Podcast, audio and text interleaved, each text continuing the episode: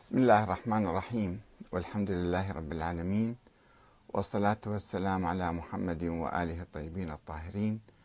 ثم السلام عليكم أيها الأخوة الكرام ورحمة الله وبركاته. لماذا اكتفى المرجع السابق السيد محسن الحكيم بدور الزعامة الدينية؟ ولم يتبنى نظرية ولاية الفقيه ولا النظام الديمقراطي. لماذا اكتفى السيد الحكيم بدور الزعامة الدينية ولم يتبنى نظرية ولاية الفقيه ولا النظام الديمقراطي؟ تولى المرجع الكبير السيد محسن الطباطبائي الحكيم الذي توفي سنة 1970 زعامة الشيعة الدينية والسياسية في العراق في الخمسينات والستينات من القرن العشرين الماضي. وشهد ثلاثة انقلابات عسكرية خطيرة. هي انقلاب 14 تموز 1958 بقيادة الزعيم عبد الكريم قاسم الذي قضى على الملكية الهاشمية وأقام الجمهورية. ثم انقلاب عبد السلام عارف سنة 1963 على عبد الكريم. وأخيرا انقلاب حزب البعث عام 1968 على حكم آه، الأخوين عارف. وكان الحكيم خلالها يملك شعبية واسعة تؤهله للعب دور كبير في السياسة العراقية. وربما تغييرها نحو الأفضل ونحو استلام الشيعة مثلا لمقاليد لمقاليد السلطة في العراق. ولا سيما بعد تأسيس حزب الدعوة الإسلامية عام 58 الذي كان يخطط لذلك. ولكن السيد محسن الحكيم لم يكن يحمل فكرا سياسيا ولا برنامجا سياسيا واضحا. ولم يكن يؤمن بالنظام الديمقراطي ولا بالنظام أو نظرية ولاية الفقيه.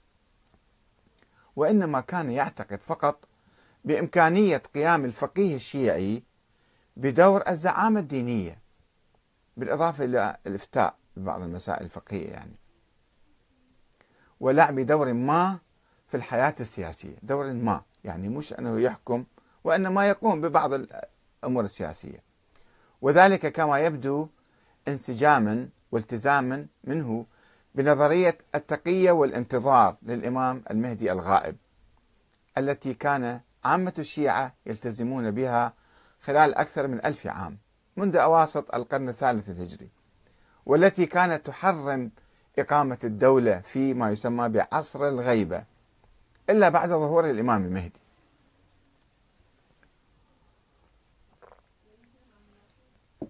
يقول الحاج محمد صالح الأديب أحد مؤسسي حزب الدعوة. كنا في بعض الأحيان نذهب إلى السيد محسن الحكيم على شكل وفود مكونة من 20 إلى 30 شخصا. ونسأله عن رأيه فيما لو تمكنا من إقامة الدولة الإسلامية. هل نقيمها؟ وكان يقول إن عليكم أن تعملوا على نشر التدين وتدعو الله سبحانه وتعالى أن يظهر الحجة عجل الله فرجه.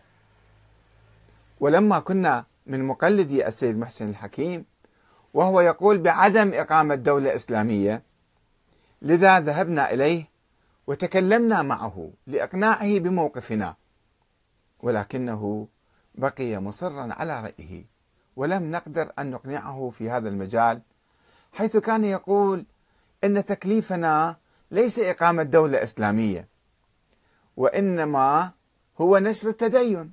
وننتظر الإمام الحجة عجل الله فرجه حتى يظهر ليملأ الأرض قسطا وعدلا. وأمام هذه الرؤية كان على حزب الدعوة الإسلامية أن يمشي مع المرجع الحكيم في مشروعه المرجعي واهتماماته بنشر التدين وخدمة الإسلام وإشاعة أجوائه لتكون الأرضية الخصبة لنمو الوعي الحركي والحزبي.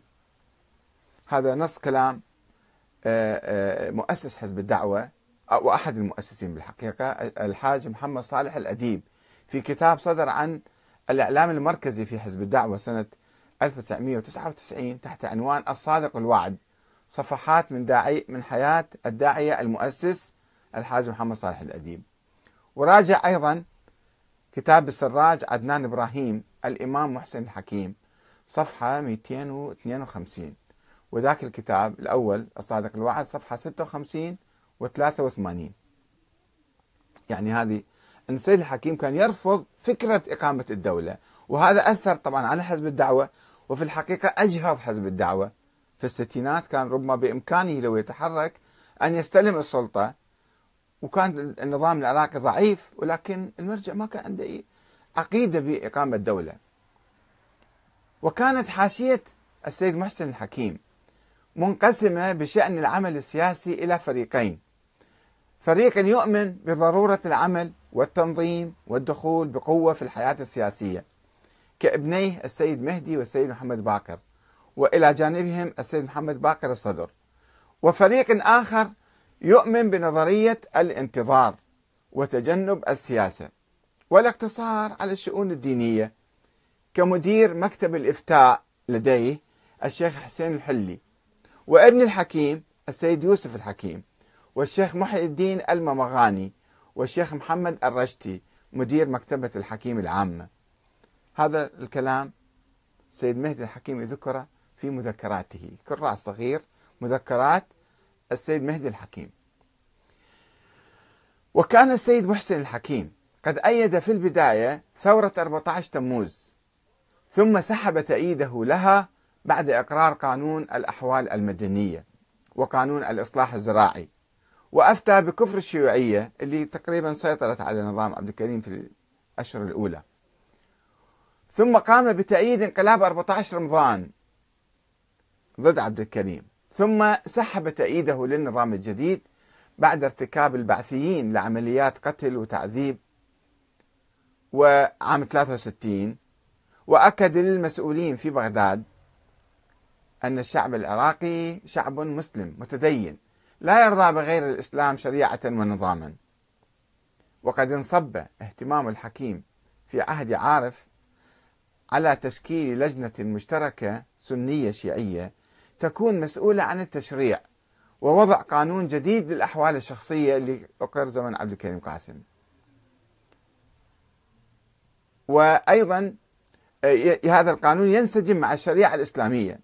وأبلغ الحكومة العراقية أنه يترك الحرية للسلطات السياسية أن تقرر ما تشاء من قوانين وفي سبيل ذلك شكل السيد محسن الحكيم عام 1964 جماعة علماء بغداد والكاظمية وطلب منها تقديم مذكرة إلى الرئيس عبد السلام عارف من أجل ماذا؟ واحد إلغاء قانون الأحوال الشخصية وإعادة المحاكم الشرعية. اثنين مراعاة شعور الأمة في وضع الدستور وتشريع مادة تنص على عدم جواز وضع قانون يخالف الأحكام الإسلامية. ثلاثة إشاعة العدل والمساواة بين أبناء الأمة وعدم التمييز بينهم في مختلف المجالات. أربعة مكافحة التفسخ الخلقي. خمسة تعديل مناهج التعليم ووسائل التربية والتوجيه. ستة وأضاف إليها الحكيم مطلبا مهما وهو إلغاء التأميم والقوانين الاشتراكية التي صدرت في عهد الرئيس عبد السلام عارف. تلاحظون هنا ما ما في أي إشارة إلى الانتخابات أو البرلمان أو الديمقراطية أو شيء من القبيل حتى ليست في مطالب السيد الحكيم. ولكن الرئيس عارف رفض الاستجابة لمطالب جماعة العلماء. هاي المطالب بسيطة أيضا رفض الاستجابة لها فاتخذ الحكيم موقفا سلبيا ضده ورفض استقباله لدى زيارته النجف في عام 1966 مما تسبب في تصاعد حدة التوتر بين الحكومة والمرجعية الشيعية واعتقال وكيل المرجع الأعلى في بغداد السيد هادي الحكيم وإبعاد وكيله الآخر السيد إسماعيل الصدر من الكاظمية. كما رفض الحكيم تأييد عارف في حربه ضد الأكراد لعدم شرعية الحكومة في نظره فلماذا تقاتل ناس آخرين؟ وطالب بحل القضية بشكل سلمي وعدم اللجوء إلى العنف. يعني ما كان يؤمن حتى بشرعية الحكومة العراقية وهذا شيء طبيعي. وفيما عدا ذلك لم يطالب الحكيم بشكل واضح بإجراء انتخابات أو بناء المؤسسات الدستورية للدولة بالرغم من أن السيد مهدي الحكيم يتحدث في مذكراته عن رغبة والده بإقامة حكم مدني وطلبه من رئيس الوزراء العراقي عبد الرحمن البزاز بعد مقتل عارف عبد السلام آه، تشكيل مجلس قيادة والعمل من أجل حكم برلماني. هذا السيد مهدي يذكر ذلك في مذكراته. ولكن في المطالب الأولى التي قدمها إلى عبد السلام لم يكن هذا المطلب موجودا. وربما يفسر الحوار الذي جرى بين الحكيم والخميني في النجف بتاريخ 19 10 65 بعض أسرار الموقف المتردد للحكيم من خوض الصراع بقوة مع النظام العراقي حيث كان يشك في طاعة الناس له إذا أعلن الثورة أو سالت الدماء كما قال للخميني يعني. وهذا ذكر حميد روحاني في كتابه نهضة الإمام الخميني صفحة 151 وعلي المؤمن في كتاب سنوات الجمر صفحة 80 ومع أن أنصار الحكيم من جماعة العلماء في بغداد تمتعوا بشعبية واسعة تمثلت في قيامهم بعدد من الإضرابات العامة والمهرجانات الجماهيرية إلا أنه لم يحدث من قبلهم أي تحرك جدي لاستلام السلطة أو فرض مطالب واضحة على الحكومة القائمة. يعني أبرزوا قوتهم ويمكن ضغطوا ببعض المطالب ولكن ما كان عندهم هدف الوصول إلى السلطة.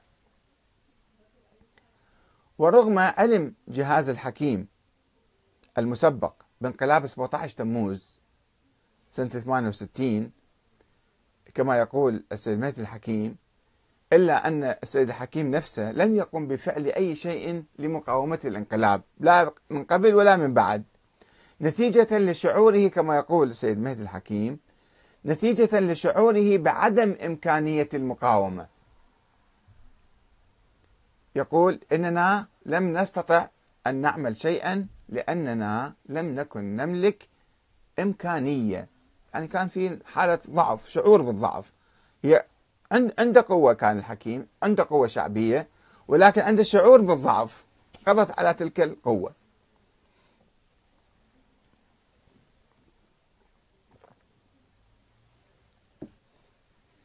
وكان لأزمة شط العرب التي نشبت بين العراق وإيران نتيجة إلغاء طهران لمعاهدة 1937 الحدودية بين العراق وإيران.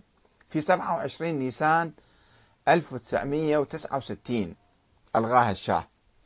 هذه الأزمة كان لها دور كبير على الحوزة العلمية في النجف حيث طلبت الحكومة العراقية من الحكيم الدعم لها والتوسط لدى الشاه من أجل تسوية الخلاف بين الدولتين.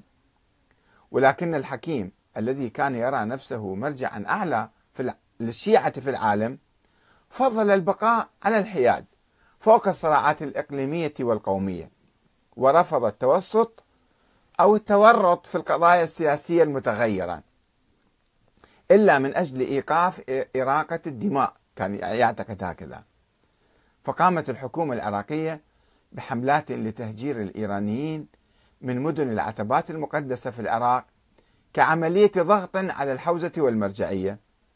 وهذا ما دفع بالسيد محسن الحكيم ليقيم مهرجان احتجاج كبير في صحن الإمام علي بالنجف في ذكرى وفاة الرسول الأعظم صلى الله عليه وآله وسلم في 28 صفر.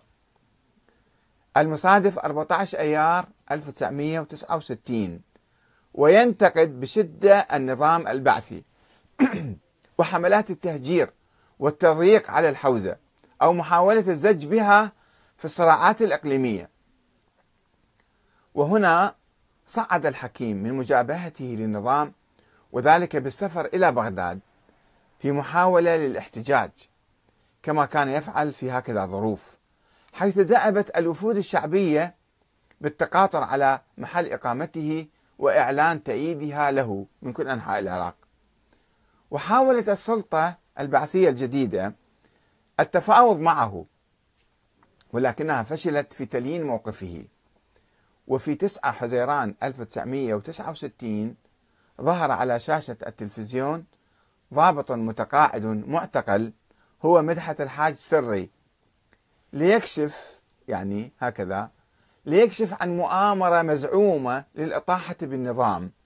ويتهم السيد مهدي الحكيم بالعمل لحساب إيران والبرزاني سيد مصطفى البرزاني.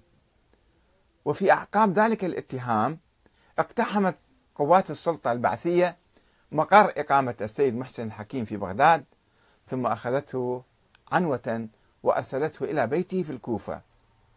ثم انتقل إلى رحمة الله في الثاني من أيار سنة 1970 هذه كانت مرجعية السيد محسن الحكيم باختصار. والسلام عليكم ورحمة الله وبركاته. وسوف نتحدث في حلقة قادمة عن مرجعية السيد الخوئي.